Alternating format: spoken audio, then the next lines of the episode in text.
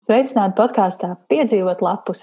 Tiekamies nu jau 16. sarunā, un šodien šķirsim lapuses jaunākajā, svaigākajā latviešu dišpārtoklī.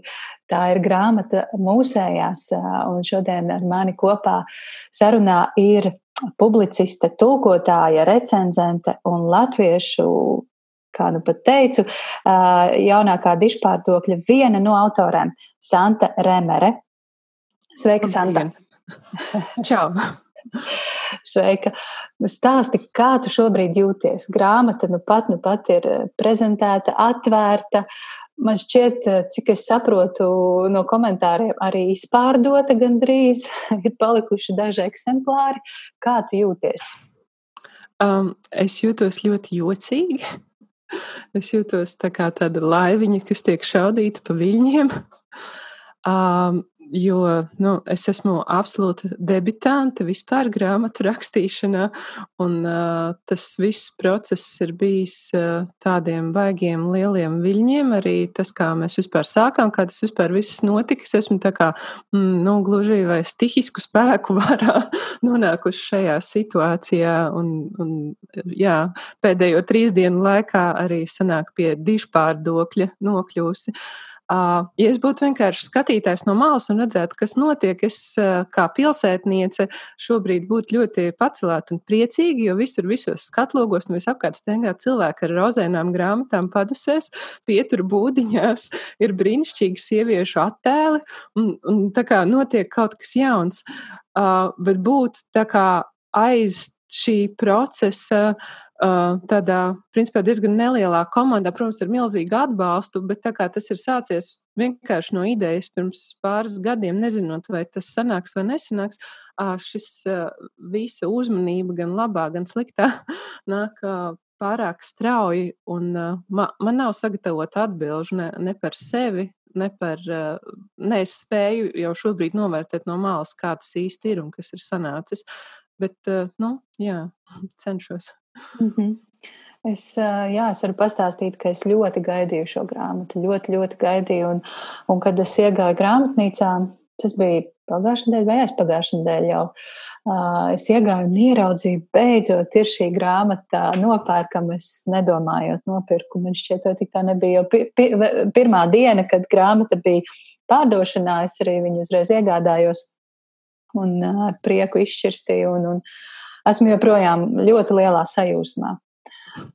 Un, un pirmo reizi es par grāmatu uzzināju, jā, bija šī akcija, ascendum, ko, ko organizēja ascendum šķiet, jā, vai, vai kas to organizēja? Jā, jā, to, to organizēja ascendum, tas bija. Mm -hmm. Tas stāsts ir mazliet garāks, bet tas principā ir sācies no ascenduma puses arī pašā sākotnē, jo ascendum, kā zināms, izdod arī internetu žurnālu saturī. Un uh, uz Latvijas simtgadi, senāk jau pirms diviem gadiem, man bija prasīts uzrakstīt par simts gadiem latviešu sieviešu vēsturē, kas ir mainījies, kas nav mainījies. Nu, tā ļoti brīvas tēmas, tādu rakstu simtgades bukletam. Un Es jau šo šobrīd daudziem stāstu, un tajā pašā laikā man uz galda stāvēja vakar pastiņas dumpīgām meitenēm, tātad itāļu autors, šis starptautiskais bestsellers, kas bija nonācis tulkojumā līdz Latvijai. Man bija šie divi uzdevumi - uzrakstīt recenziju par vienu un, un stā, rakstu par feminismu. Uh, Un uh, es sapratu, pirmkārt, man negribās rakstīt vēlreiz vienu sausu rakstu teorētisku par uh, feminismu situāciju, kuru tas uh, lasītājs, kas visbiežāk lasa saturī, tāpat jau zina, un, un man nāktos atkārtoties lielā mērā. Un, uh, Otrs, uh, jā, šī grāmata, kas man uz to brīdi ļoti uh, priecēja un iespaidojas, jo viņa bija pirms tam lasījusi arī angliski, uh, Un tas nāca vienkārši spontāni. Es sapratu, ka man uh, simtgadē ir jāuzraksta mūsu septiņas pasakiņas, kā nu viņas sanāks vai nesanāks, bet es uzrakstīju septiņas. Tas tātad tika publicēts saturī bukletā, pēc tam saturī arī tur ielika sociālajos tīklos pēc kāda laika.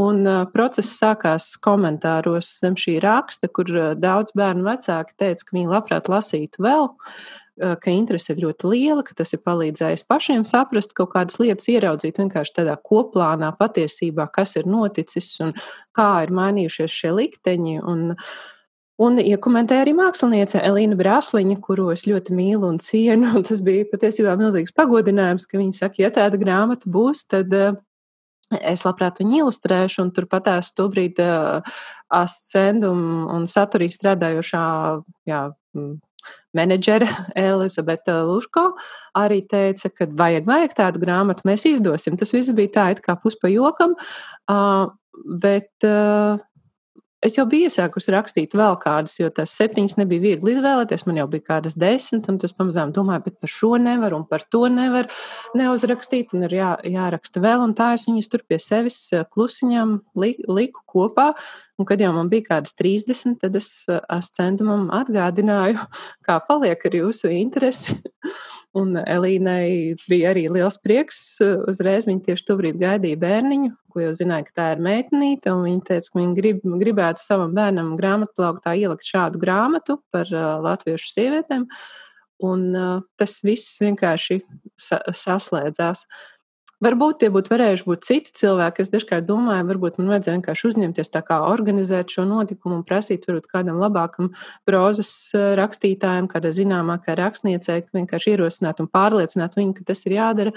Bet uh, pārliecināt ir diezgan grūti. Man arī sevi bija grūti pārliecināt, ka ir jāraksta katra nākamā.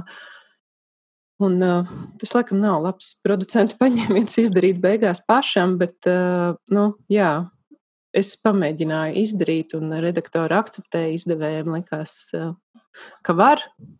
Māksliniecei patika, un katrā posmā, kad man bija kaut kādas šaubas, tomēr nāca atkal cilvēku atbalsts, parādījās interese vēl no lasītājiem, arī pašas varonis man bieži vien iedrošināja, un, un viņām bija idejas par citiem cilvēkiem, kas ir jāpiemina, un tie, tie stāsti veidojās tādi bagātīgi, un viņi patiesībā viens pēc otra, katra saruna ar tām dzīvajām mūsējām, ar ko es runāju, man iedeva spēku un motivāciju turpināt, milzīgu interesi. Es patiesībā vienkārši ļoti labi pavadīju gadu veselu, sarunājoties ar uh, iedvesmojošiem cilvēkiem, uh, lasot daudz grāmatas un biogrāfijas, uh, kas man pašai atgrieza kaut kādu pārliecību, kura bija kaut kur pazudusi.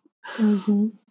Jā, nu, es varu teikt, ka man ir plauktā arī šīs vakara pastaciņas dumpīgām meitnēm, šo, šo itāļu autoru darbs, un, un to es izlasīju, man likās, nē, nu jā, ideja ir ļoti lieliska, un izpildījums arī ir skaists, bet kaut kā man tas ne, neaizkustināja tik ļoti, kā aizkustināja grāmata mūsējās kuru, kuru šķirstot un lasot, man gandrīz katrā stāstā sariesās asaras acīs. Es jutos ļoti aizkustināta. Varbūt tāpēc, ka tās ir tās mūsējās, jo es sajūtu, sapratu viņas, es izjūtu viņu pārdzīvojumus un es priecājos par viņu sasniegumiem.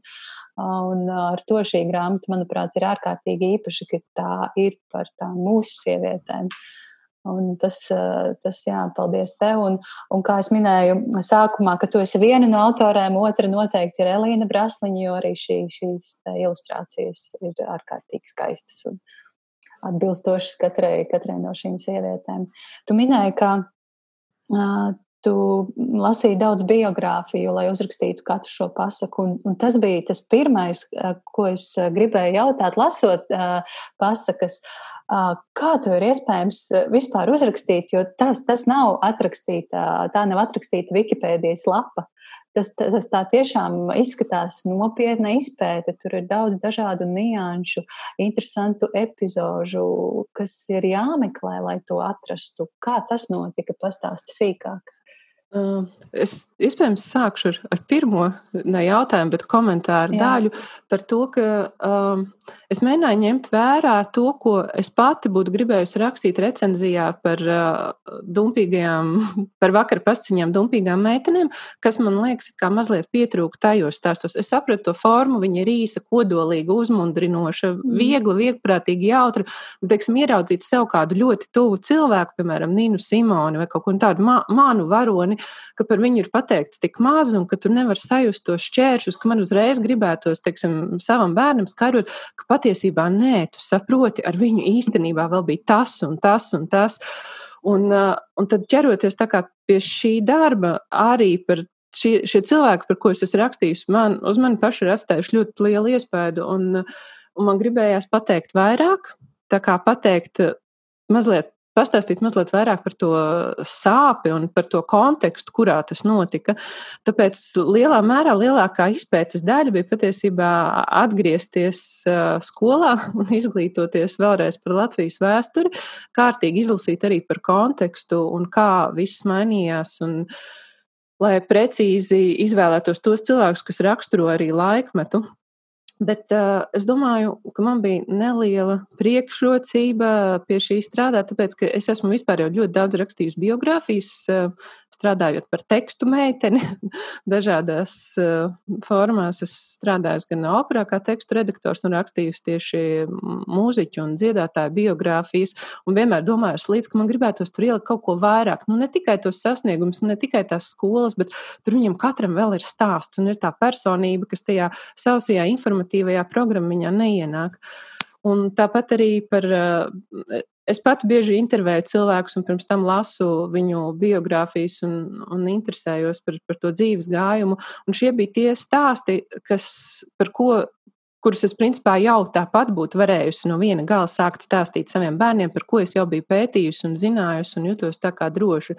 Nu, ja es gribētu 50 vakarus pēc kārtas saviem bērniem pastāstīt pa pasakai par, par sievietēm, šoreiz nevis par sēnēm vai rūķiem vai tad nu, šīs apmēram būtu tās, par kurām es varētu varbūt arī pat bez palīga līdzekļiem pastāstīt.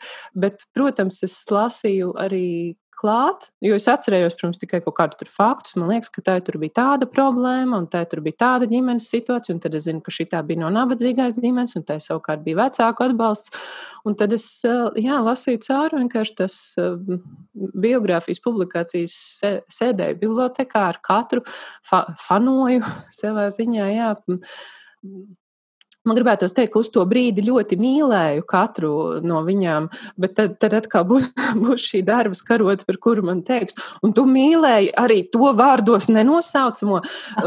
Nu, varbūt es ne, ne gluži tā kā mīlēju, bet uh, es biju uzjautrināta uh, sajūsmā par dažiem faktiem, ko es nezināju, par to, cik tie ir neticami un grandiozi. Un, un lielā mērā mm, mans stāstniecības veids arī ir tāds mazliet rotaļīgs, domāts, gan nopietns, gan rotaļīgs, jo šīs lietas. Tas ir veids, kā es runāju ar saviem bērniem. Mēs runājam par par dzīves eh, visādām pusēm, bet eh, mēģinot saglabāt to kopīgo valodu un, un saprasties jā, tādā spēles veidā reizēm.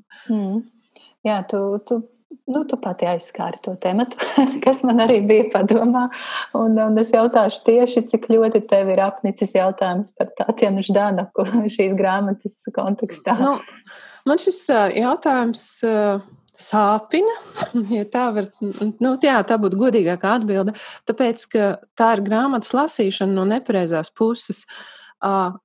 Es domāju, ka ir jānonāk līdz Tatjana stāstam, izlasot tos 30, cik tur iepriekšējos, ir jāizlasa visa tā neatkarības cīņa, kas ir aprakstīta pirms tam, un tad šajā kontekstā ienāk šis viens stāsts, kas parāda arī pretējo, pretējās puses vienu pārstāvi.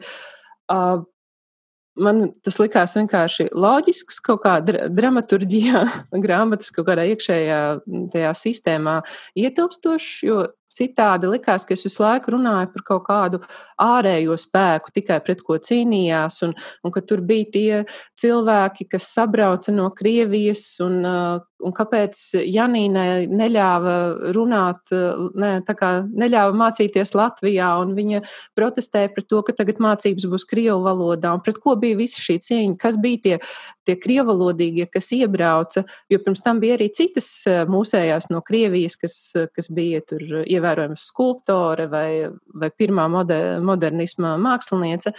Un, uh, Un, un kas tad tie tādi bija? Jo senāk iebrauca diezgan liels uh, bērs ar cilvēkiem, un, un kur viņi palika. Un uh, citādāk tur paliktu nu, tāds, tāds tukšums tajā vietā, ka par, še, par šo grupu uh, cilvēku, kas joprojām Latvijā dzīvo, uh, netiktu pateikts nekas, un kaut kā diezgan mm, simptomātiski par, par šo jā, Latvijas daļu netiek runāts. Um, problemātiski, jā, uh, bet par to ir jārunā, nevis jāklusēt, manuprāt. Uh, par to, ja kādam ir iebildumi par to, ka Tatjana Ždanoka ir parlamentā un pārstāv Latviju, ja par to gribas protestēt, par to tad ir jāprotestē katru dienu un jāceļ brēka katru dienu, nevis brīdī, kad kāds piemin viņas vārdu rozēnā grāmatā. Uh, mēs neesam gatavi par to runāt ar nākamajām paudzēm. Ka, kas tur ir? Kāpēc? Uh, es nezinu. Man šķiet, uh, jā, ka par to ir jāparunā un iespējams arī jā, jādiskutē. Mm. Es, protams, rakstot bērnu grāmatu, ne, nebiju gatava um, sākt runāt par demokrātijas pamatiem un par demokrātijas principiem ar pusmūžu cilvēkiem un pusmūžu cilvēkiem, kam turklāt ir izglītība, šķiet arī politikas zinātnēs un tam līdzīgi. Um, tāpēc Es domāju, ka atbilde, ka garā atbilde ir grāmatā, īsā atbilde ir tāda, ka tur ir vismaz desmit mūsējās, kas ļoti cīnījās par Latvijas neatkarību, kas ļoti cīnījās pret apspiešanu un bija vajadzīgs parādīt arī kāds no, kādu no pretējās puses, un tur arī ir sieviete ar, jā, iespaidīgu raksturu. kas ļoti turās pie saviem principiem. Un tā ir vēl viena lieta, ko man arī tiksim, likās domājot par, par to, ka mēs rakstu meitenēm vai rakstu bērniem, ka ir tāda reizēm pašmērķīgs teicamnieces sindroms, ka tu par visu vari gribi būt vislabākā un pārspēt visus, un vai tas vienmēr ir labi? Tāds jautājums arī par ko padomāt. Ne tikai politiskā tādā rakursā, bet arī klases mērogā. Kāpēc tu tik ļoti gribi visus pārspēt, un, un kurā virzienā tu ej ar šo savu jā, priekšzīmīgo uh, liecību, un uh, kāpēc tu to dari. Tā. Mm. Jā, nu, es, es atceros, es nopirku grāmatu, es to izšķirstīju, es uh, priecājos uh, par tām sievietēm. Es ieraudzīju Tatjanu Ždanuku, man tas likās, ok, Tatjana Ždanuku, nu, kur vēl neatlaidīgu sievieti Latvijā neatlaidīgāku atrast. Uh, un, un, un tad sākās tas absolūtais murgs Twitterī. Nu, Nu, jā, es biju ļoti pārsteigta, un tad es domāju, vai kaut kas ar mani nav kārtībā, ka es to tā vispār neuztvēru. Uh, Un tajā brīdī, kad ieteica to grāmatu sadedzināt, izgriezt konkrēto lapu vai aizlīmēt ciet, man likās, nu, nu, kur tad mēs esam? Mēs nekur neesam tikuši. Mēs esam tajā pat, tajās pašās pastelās, pārbijušies par savu neatkarību. Un, un joprojām nu, jā, baidāmies no kaut kāda nezināma, zināma spēka. Un, tas Vēl viens komentārs ir par to, ka, ja, ja mēs saucam, saucam šo grāmatu par bērnu grāmatu, tad nu, mēs nekad bērnu grāmatu nenosviežam savam bērnam kā sunim kaulu.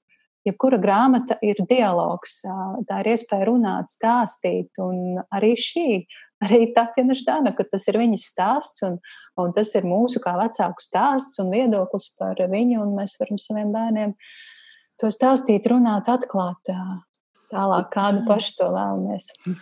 Nu, es domāju, tiksim, ka tā lasot nu, tās klasiskās pasakas, kaut vai par sarkangālīti, kad ja mēs lasām to pir, pilno oriģinālo versiju un nonākam līdz tam, kā, kā vilkam atgrieza vēderu, vai mēs lasām par ansīti un grietiņu, kur, kur deva ēst pirkstiņu un visādas citas groteskas detaļas, tur, nu, viens ir vai nu pieņemt, ka tas ir tāda šausmīga pasaule, un, un tās spēles noteikumos, jā, saprast arī, ka tas nav līdz galam varbūt nopietni, un ka tevi neapdraud šobrīd tā, tā pasakas ragana, bet tad ir, ir vērts reizēm arī parunāt par pasaku, ko viņa simbolizē un kāds ir tas segums un, un kāpēc par to tiek.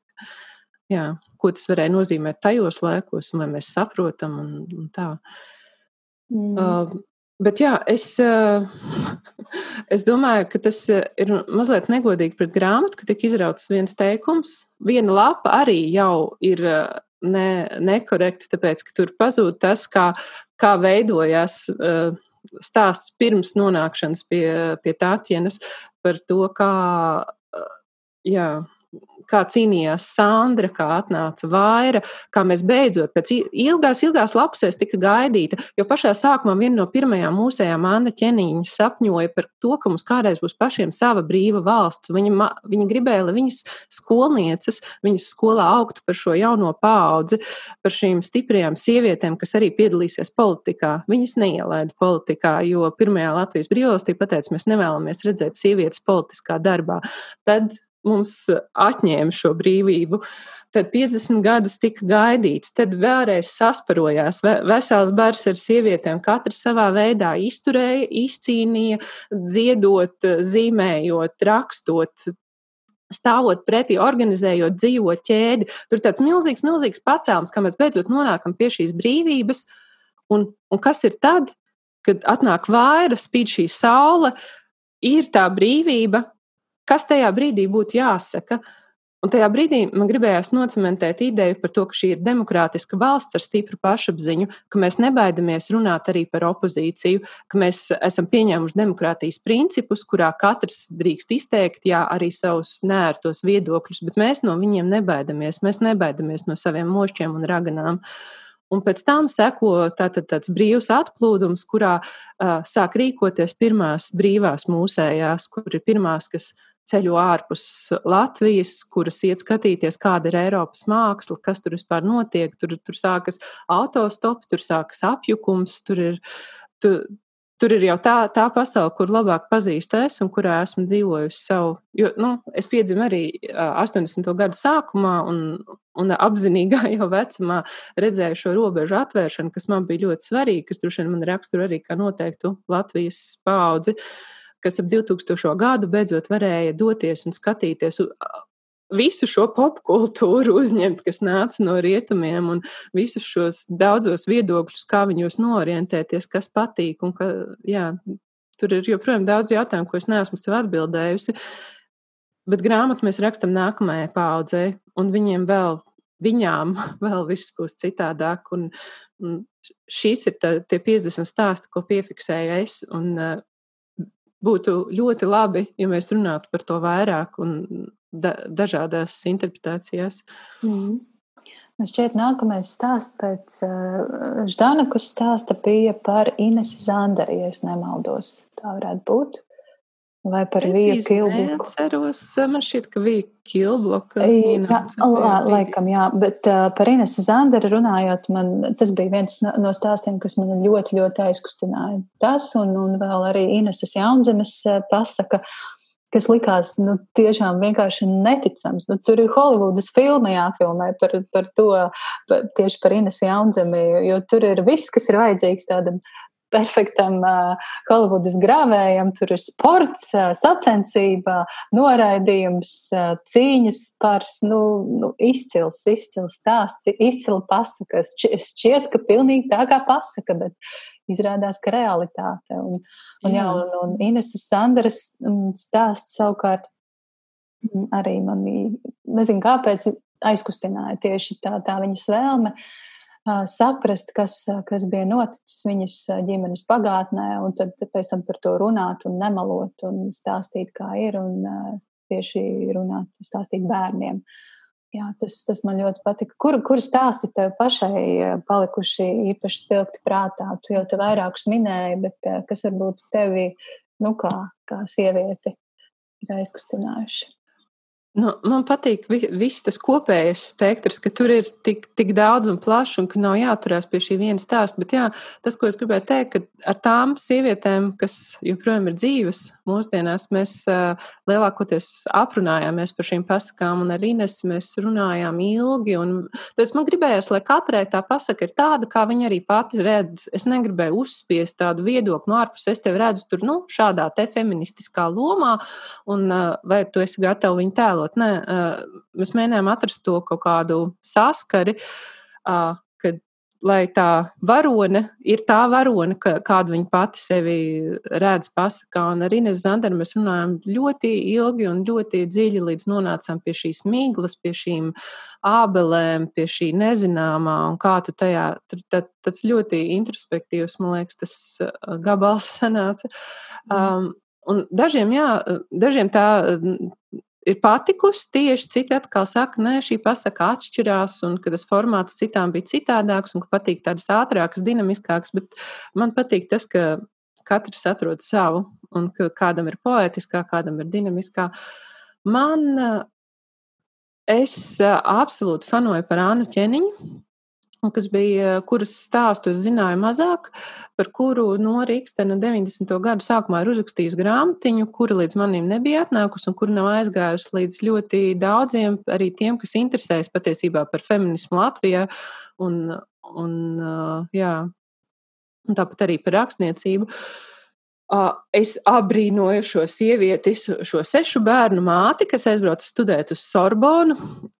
Viņu Sorbonu gan aizbrauca ar četriem, jo vienu bērniņu viņa bija jau zaudējusi. Viņ, viņai vispār mūža laikā sanāca zaudēt daudzus no saviem bērniem, kas ir tā laika realitāte un kas ir šausmīgi, un par ko viņa mēģināja godīgi arī rakstīt. Viņai ir tāds darbs, kas saucās Mātes bēdas, kurā Anna Čeniņa apraksta pa sekundei kā mirst viņas bērns viņas priekšā. To ir nenormāli grūti lasīt.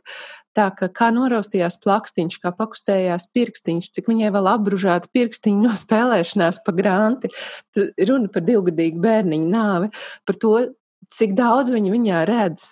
Līdzīgi kā jau vecākajos bērnos, viņi jūt to viņas talantu, šī cilvēka potenciālu, kas varētu izaugt, un, un par to, kā viņi nespēja pieiet klāt šim nomirušajam ķermenītim.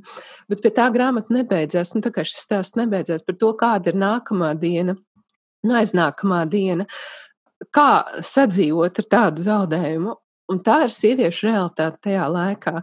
Arī to sieviešu, kas mēģināja būt mākslā, kas pirmās mēģināja kaut kur strādāt, tām, kurām bija bērni, tie stāsti mēdz būt ļoti grūti un smagi, un tā ikdiena, ar kuru vajadzēja savietot savas kaut kādas personības, vēl vēlmes izpausties, tā bija milzīga cīņa, kas prasīja daudz iekšēja spēka, daudz ārēja atbalsta, un ļoti, ļoti retai izdevās tikt tālāk par virtuvi un, un to ģimenes sadzīvi.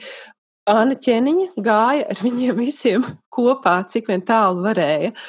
Uh, politiskās tiksim, sarakstēs par, par kaut kādām sabiedriski, politiski nozīmīgām tēmām, piemēram, ar Raini vai kādu citu vēstuļu biedru. Viņa nekad arī neaizmirs pieminēt šādus ģimeniskas detaļas, kā jā, marģerītim vakar uzkāpa temperatūra, vai, vai tu nevarētu paskatīties Parīzē litiņai kurpes, kas man liekas ka tur izpaužās patiesībā jā, tāds nopietns feministisks aizmetnis, nebaidīties runāt savā sievietes un mātes valodā.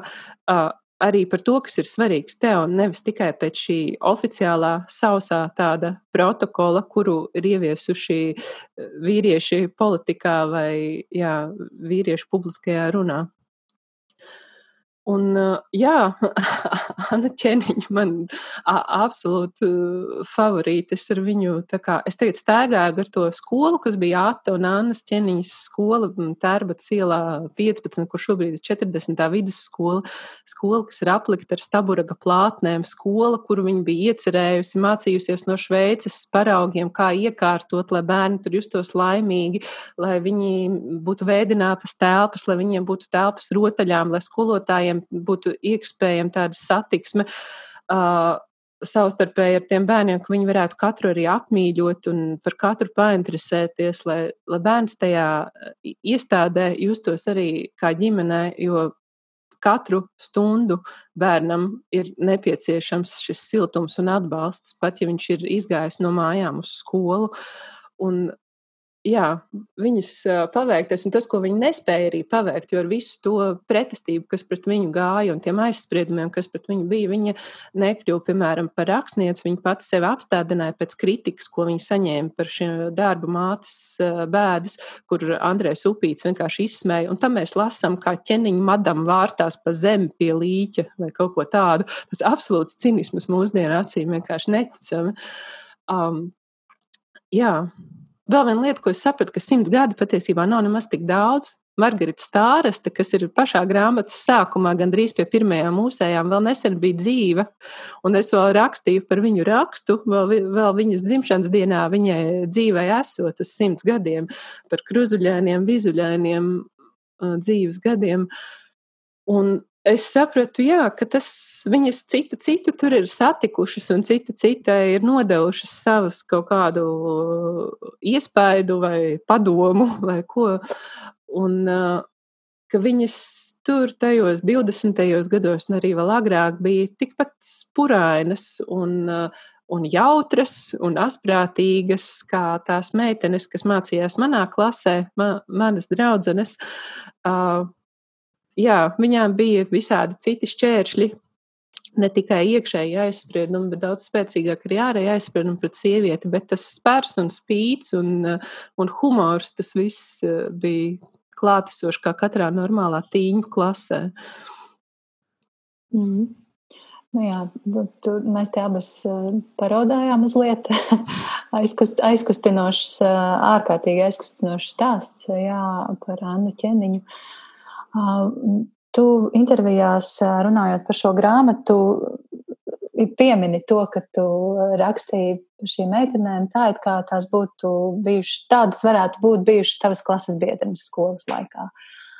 Kā tu pati atceries sevi skolā? Kāda tu biji, ko tu jūti, par ko tu domāji, kas tevi satrauca? Um, Es domāju, ka man laiku pa laikam dzīvē ir novērsies, man iespējams novērsās ar klasi. Es, gan, es nomācījos 12 gadus kopā ar gandrīz vienām un tām pašām draudzenēm, ne, nemainot skolas. Reizēm tur pamainījās kaut kas kolektīvā, un kāda vēl pienāca klāt. Varbūt kāda aizbrauca mācību programmā projām, un tur viņa palika klase zemāk. Meiteņu klase, principā mums bija ļoti maz zēnu, Mēs darījām ļoti daudz ko pašas. Pašas cēlām krēslus, pašas nesām solus, pašas visu iekārtojām. Es mācījos kopā ar daudzām spēcīgām personībām, kas šobrīd dara visu kaut ko. Jā, vada, piemēram, mūsdienu mākslas uh, centru, vai kā tas tur saucās, vai ir ievērojamas arhitektes, vai strādā Nacionālā bibliotekā augstos amatos, un tā, tā bija tā mūsu ma mazā grupiņa. Uh, es nekad nebiju pirmā, bet es vienmēr biju otrā. Nu, tā apmēram. Uh, nu, je, jebkurā jomā man visur veicās tīri labi. Uh, man vienmēr pietrūka rūpības kaut ko līdz galam izdarīt un, un uzspīdēt, bet uh, man, man patika visi mācību priekšmeti. Es, principā, sev uzskatīju par egzekto tādu. Jā, man, man pat, man es pabeidzu matemātikas, geometriju, algebru ar desmitniekiem un ļoti aizrāvusies ar, ar eksaktiem priekšmetiem, bet tad sapratu, ka man kaut kas pietrūks tā kā kultūras izglītība, man tāds tīņas pīts uznāca, ka es esmu par daudz gājis vienā virzienā, teikt, man vajag to pretējo dabūt, un pēc tam es gāju kultūras akadēmijā atgūt to, ko man likās, es esmu iekavējusi kultūras jomā, un tad es kaut kur iesprūdu starp abām, nevarēju saprast, kas īsti labāk patīk. Jā, daudz neziņas, daudz nesapratnes, nekad nespēju atbildēt uz jautājumu, par ko tu gribi kļūt, man nekādas konkrētas vīzijas nebija. Ja es būtu zinājis, ka cilvēki cilvēkiem maksā naudu par to, ka viņi lasa bērnu grāmatas, tad es teiktu, es gribu būt par bērnu grāmatu recenzenti. To es tobrīd nezināju. Un tas ir tik šausmīgi, ka tas izvēļu spektrs tajā brīdī, sevišķi pamatskolā, ka tev jautāt, liekas, ir tik šaurs. Nu, tur ir ārsts, kas tur vēl veterinārārsts, skolotāja, bizness, Bet uh, patiesībā profesija ir milzīgi daudz, un profesijas rodas jaunas un pazūd vecās, un ir vienkārši jādara tas, tas kas patīk, un jārada profesijas pašam. Reizēm mm. jāizdomā savs amats. Jā. Es nezināju, ka būs tādi freelanceri, kā viņus sauc latviešu, pašnodarbinātie, ka tu pats vari noteikt savu laiku un, un iet uz darbu tikos, cikos gribi, pabeigt līdz galam vienu lietu un tad atpūsties tā, kā gribi, un, un sākt atkal kaut ko no jauna. Mm. Pieminēja bērnu grāmatu recenzēšanu. Tas ir absolūti sapņu darbs, manuprāt. Nu, kas var būt burvīgāks lasīt bērnu grāmatas un, un pēc tam par tām uzrakstīt viedokli. Kā tu nokļuvi šādā amatā? Kā, kā, tu, kā tu visam nonāci? Vai, vai tu vispār mīli bērnu grāmatas kā tādas, vai tas atnāca kopā ar bērniem tavā dzīvē? Mm. droši vien, ka ir vairāk veidi, kā, kā atbildēt šo jautājumu.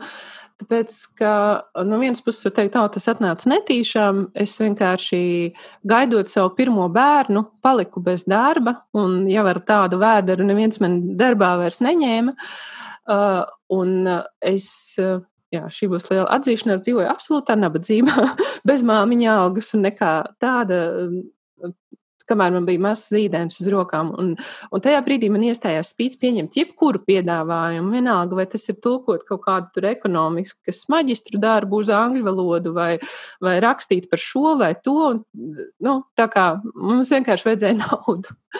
Un uh, saturīgi darbinieki, kas bija lasījuši kaut kādus manus blogus, palūdza kaut kādus pie, pamēģināt vienu recenziju, otru recenziju. Tad viņi saprata, ka man īstenībā ir arī tā audiovizuāļu izglītība un ka es esmu mācījusies diezgan daudz gan mākslas, gan kultūras vēsturi dažādās pasaules vietās un, un esmu arī kompetenti par to runāt.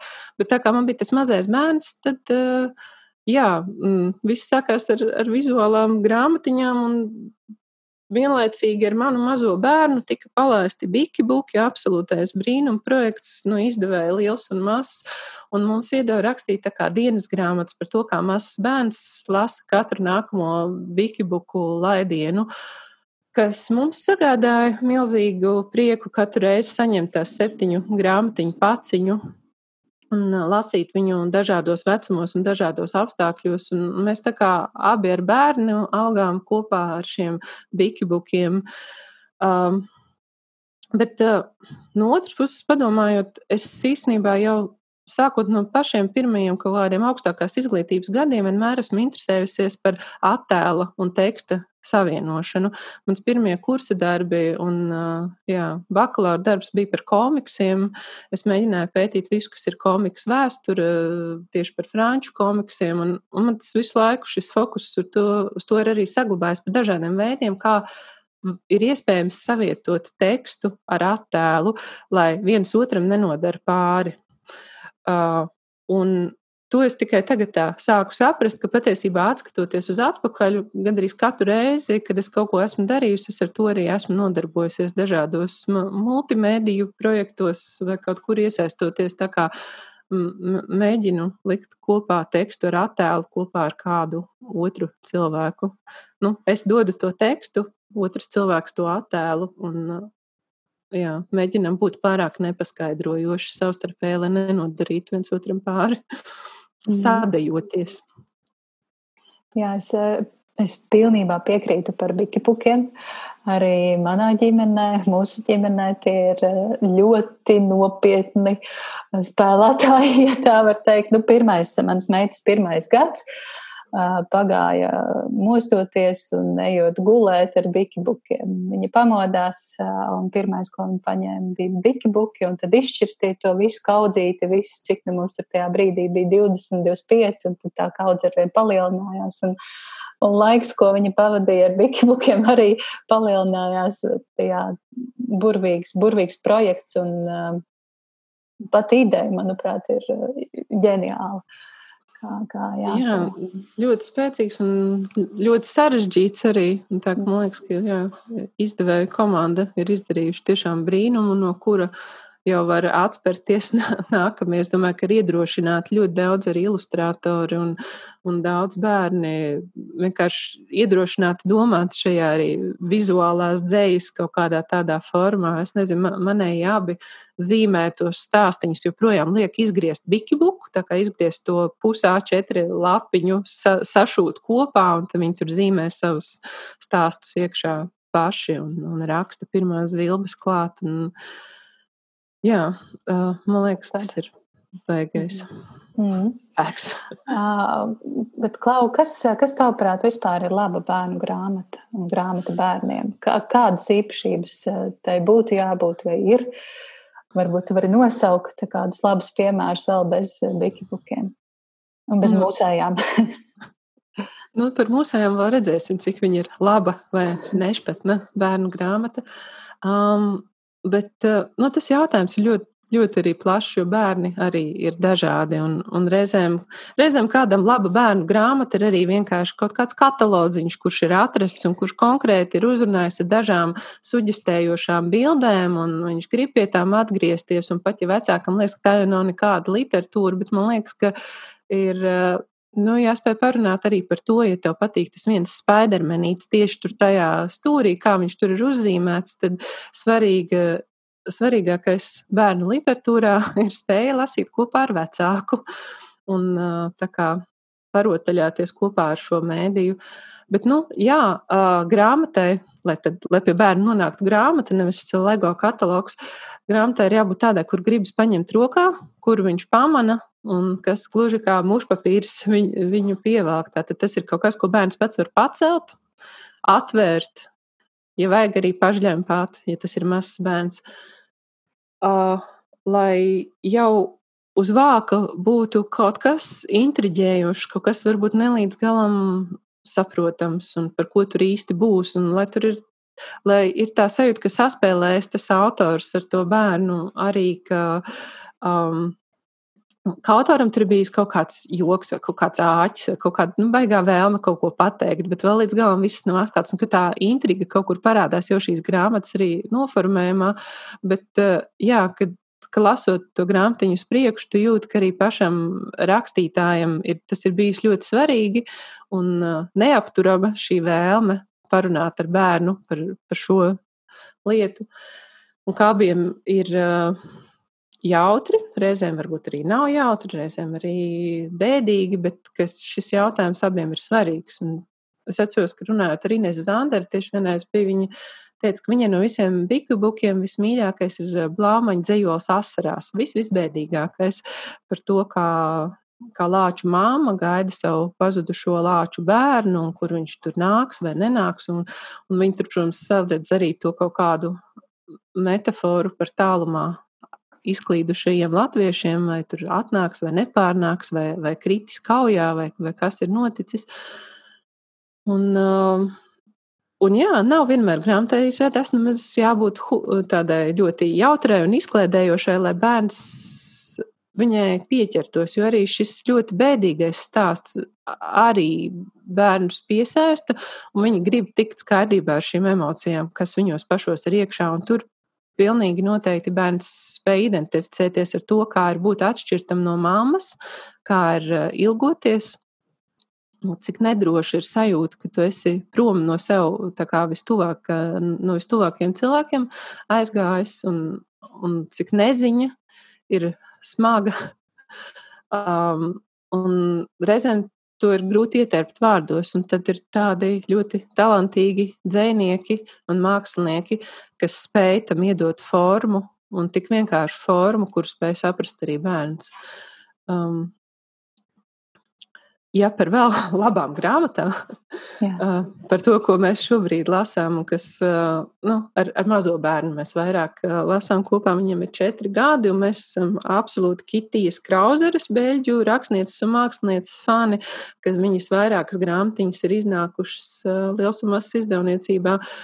Tie ir trīs nakts stāsti, vai kaut kā tā viņa saucās. Tāda rozena, neuzkrītoša grāmatiņa ar ļoti spēcīgiem personāžiem, jo mans bērns Mikls Mausus nezina, šī, šajā paudzē viņam nav gadījies, viņas daudz redzēja, bet tur ir Žako Mollo sikspārnis, kurš kopā ar dumpīgo žānu ēd kazeni. Tad uh, tie ir pilnīgi tādi jā, jauni, spēcīgi tēli, kas ir ienākuši mūsu ikdienā. Kad tu redzi kazeni, tu zini, ka līdz nāks mazā žāna ar savu zobentiņu un durvis kazenei, un tad viņi ies gulēt sikspārņa ligzdā. Un tad ir mazliet sērīgais stāsts par uh, par vīru, kuram nenāk miegs, un kurš iet nopeldēties ar visu smago mēteli jūras ūdenī, un viņu krastā gaida draugs, un līdz to viņš jutās mazliet drošāks, gremdējoties augstajā jūrā. Un tā, tā arī tā amplitūda starp to sērīgo, un varbūt pat mazliet depresīvo, un, un to bezmiegu, un tām kaut kādām raizēm, kas tev varbūt uz vakaru ir, bet un to sajūtu, ka tev blakus ir draugs vai personāžs, kas atbalsta un kas palīdz nebaidīties tumsā un nebaidīties no rītdienas. Mm. Jā, mums uh, cieņā ir skrību skrābu tvīt plunkš no. Jā, tā ir nolasīta, jā, arī no abiem galiem.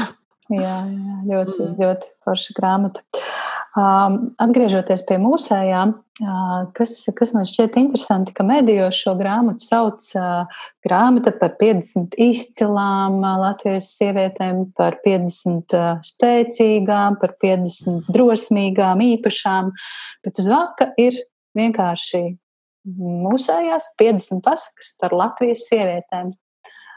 Kāpēc, kāpēc tik pieticīgi, kāpēc tu nepieliki šo īpašu vārdu kādu klāt? Mm, pirmkārt, vārds izcils vispār nav manā vārdu krājumā iecienīts vārds. Uh, un tas izcilām ienāca, man liekas, drīzāk no tādas valodas iestrādātiem mehānismiem. Ja mēs sakam 50, tad vienmēr tas ir top 50, labākās, mhm. izcilākās, visvairāk sasniegums gošos. Nav mums tādu 50, mums ir simtiem, tūkstošiem uh, nezināmu vārdu, kas iespējams ir vēl izcilākas par visizcilākajām, par sievietēm, kas vienkārši nekad nav kļuvušas pazīstamas, kur dzīves stāstus mēs nezinām, kas ir iz, izcīnījušas izcilas cīņas populārākajām arī būtu briesmīgi teikt. Tie ir stāsti, ko zinu es, un kas, manuprāt, pastāsta arī daudz citu sieviešu stāstus. Tie, principā, vienkārši ir stāsti par Latvijas sievietēm dažādi un daudzveidīgi, kur ar vienu dzīves stāstu ir iespējams kā, pastāstīt arī kāda cita tipa profesijas, novada, laikmeta sievietes stāstu.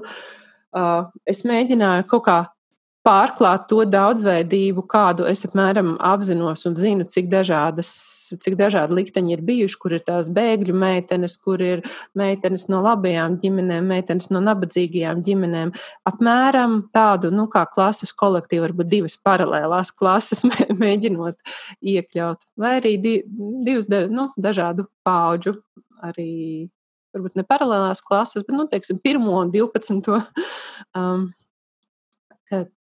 kaut kas ir mainījies, kas kaut kas nav mainījies. Liekas, pagājis ir liels laiks, ir izcīnīts it kā oficiāli tātad tas līdzvērtības status, un sievietes ir eh, biznesā un politikā un visur, bet joprojām, joprojām kādai ģimene uzspiež izvēlēties tādu profesiju vai tomēr precēties ar, ar kādu, nu, mm, izsaka viedokli par to, ka šo puisi tev nevajadzētu precēties un neņemt vērā to, ko tu jūti vai ko tu domā vai ieteikt de, strādāt pavisam citā jomā nekā patiesībā meitene sapņo vai interesē.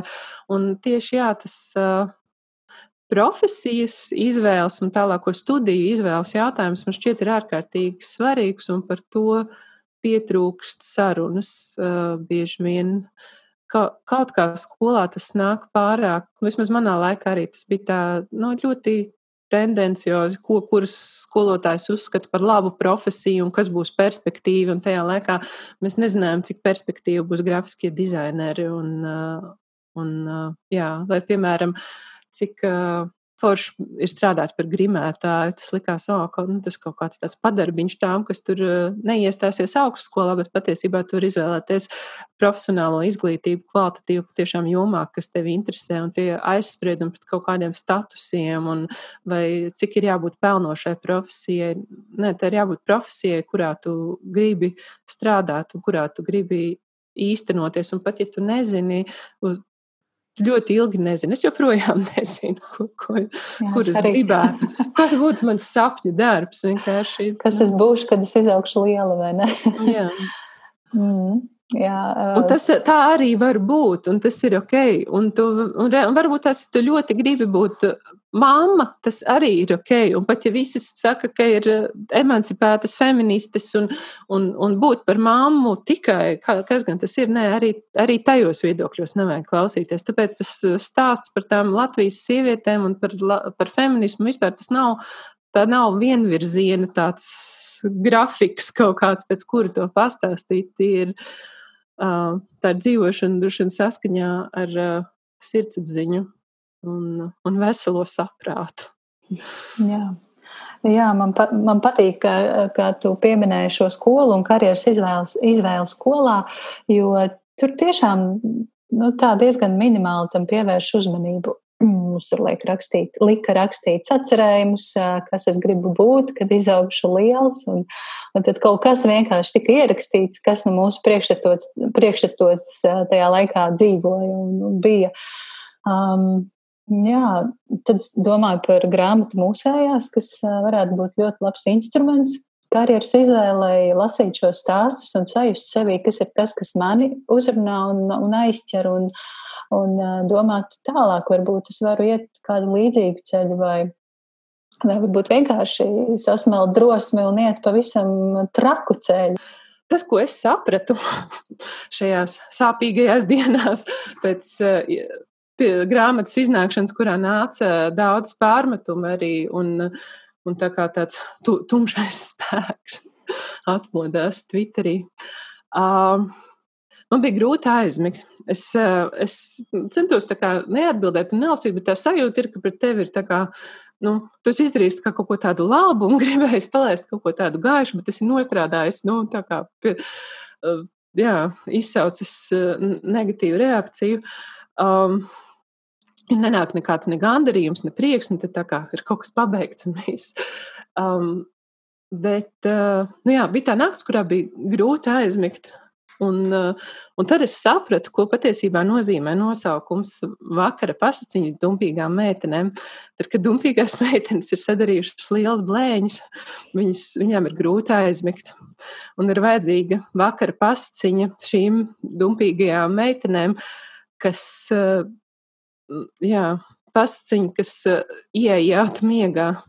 Un tad es domāju, es domāju par Anniju, kura raudādama un svīzdama minās no Bostonas uz Čikāgu ar smagu divriteni un saprata, ka viņa netiks nekur, ka viņa no ciematiņa logi vērās vaļā un visi Aniju lamāja, kas tas par ārmūza riteni. Um, kā jutās Anna ķeniņa, kad uh, Rainis viņu nosauc par uzbāzīgu veceni uh, un visu to ķeniņas kliķi. Uh, Kā jutās Inese stadionā, kad cilvēks, no kur viņai bija piedzimis bērns, pateica, beidz tērmoties, no tevis nekāda sportista nesanāks. Kā jutās sieviešu stand-upa meitenes un sievietes, kuras gribēja beidzot piecelties un pateikt savās klusajās balstiņās vienu skaļu vārdu, un kā viņas tika apceltas un izsmietas un joprojām liels tāds eh, iemesls, par, par ko ja, pasmieties Twitterī un sociālajos tīklos. Um, kā jutās Margo, kura nonāca Vācu internāta skolā kā nabadzīga, smirdīga meitene no Austrum Eiropas, kurai tas tika bāzts acīs? Um, katra, jā, kā jutās Sandra, kad viņa organizē dzīvo ķēdi un Un uh, presē tika apspriests, cik viņi nesmuki izskatās un kāda, kāda sieviete tanks un kā, kāda tur vēl apzīmējumi. Uh, un, šie, un saprast to, ka šie tumšie brīži ir pagājuši, un viņas visas Anija aizbrauca līdz galam, apbrauca pirmā apkārt pasaulē un nonāca galā. Inese kļuva par pirmo latvieti, kas atnesa Latvijai olimpisko zeltu. Sandra norganizēja Baltijas ceļu. Margo ir ekscentriska, absolūti fascinējoša opera režisore, un tā tālāk. Un sieviešu stand-ups kļūst ar vien skaļāks un saka savu vārdu. Un tas, eh, tas atdod vienkārši kaut kādu tajos brīžos, kad tev pašam duša sašļūk. Un man viņa reizēm sašļūk, šie stāsti man atdod spēku. Un es esmu liela meitene jau. Uh, un es ļoti tāpēc ceru, ka tad, kad nāk tie tīņu kompleksi un tā nepārliecība par sevi, kur tu vispār šajā lielajā pasaulē atrodies, vai arī reizēm tu kļūdies un šādi pār strīpu ar savu kaut kādu priekšzīmīgumu, izcilību, vēlmi pārspēt visas draudzenes un visus cilvēkus tev apkārt, lai šie stāsti iespējams kaut kā palīdz iedrošina, uzmundrina vai atgādina par kaut ko cilvēcisku un, un tādu pamatīgu, kas mūsos šajā pasaulē ir ielikts un dots, un par to, ka tev ir apkārt cilvēki. Tu nekad neesi viena pati. Pirms tev ir bijušas citas paudzes sievietes, un arī šobrīd apkārt, ja tev šobrīd nav labu draudzeņu, tu viņus atradīsi vai mūzikas skolā vai nometnē, bet pilnīgi noteikti tu atradīsi vēl cilvēkus, kas tev spēs saprast un būs līdzīgāk tev domājoši. Un uh, vienkārši ņem vērā tos, kur tevi saprot. Nu, skaisti. Es, es tev gribēju vēl ļoti daudz ko jautāt, bet man šķiet, Santa, ka te ir jāliek skaists punkts vai drīzāk daudz punktu. Un šis tavs vēstījums, es ceru, ka tas, tas nokļūs pie dzirdīgām ausīm, un tu tik skaisti visu apkopoji un pateici, ka man vienkārši vairs negribas to sabojāt. Es paldies, gribētu, ka, jā, jā, jā, es gribētu teikt paldies tev par sarunu. Paldies par grāmatu, noteikti arī, un klausītājiem es noteikti iesaku, ja jums ir iespēja vēl kādu eksemplāru noķert, ķeriet, jo uh, cik es saprotu, drīz vairs nebūs. Vai varbūt mēs varam gaidīt kādu papildinājumu? Es neesmu izdevējs, bet nu, izdevējs ir sapratis, ka vajadzība ir liela, un es domāju, ka viss tiks tālāk kā, kārtots, lai, lai būtu vēl kāds lēdiens un, un tiktu visi gribētu, jo diasporā arī ir liela interese, un mm. cilvēki grib, lai aizsūtu uz Vāciju un aizsūtu uz Beļģiju, kur ir liels tā kā latviešu uh, jā, komunas, un kur viņiem ir arī ļoti nepieciešams šie stāsti. Un man pēdējie eksemplāri, kas ir palikuši, es viņus sūtīšu tām tām manām ārzemju draugu meitenēm, kurām gribas ļoti šo grāmatu. Mm. Tā kā jā, paldies, ka paklausījāties, bet es domāju, jā, ka Rozā ir spēks un Elīna ir izdarījusi milzīgu darbu pie šīs grāmatas, lai vienkārši kaut vai, bet ja tu vēl nemāki lasīt, lai šī rozainais objekts stāv plauktā un atgādina, ka meitenēm arī ir liels spēks. Jā, Arī manai divgadniecei patīk Jā. grāmata. Jā, noteikti netrūks spēka. Jā, paldies, Santa, un Jā, uz paldies. tikšanos citreiz. Jā, atā! Tā.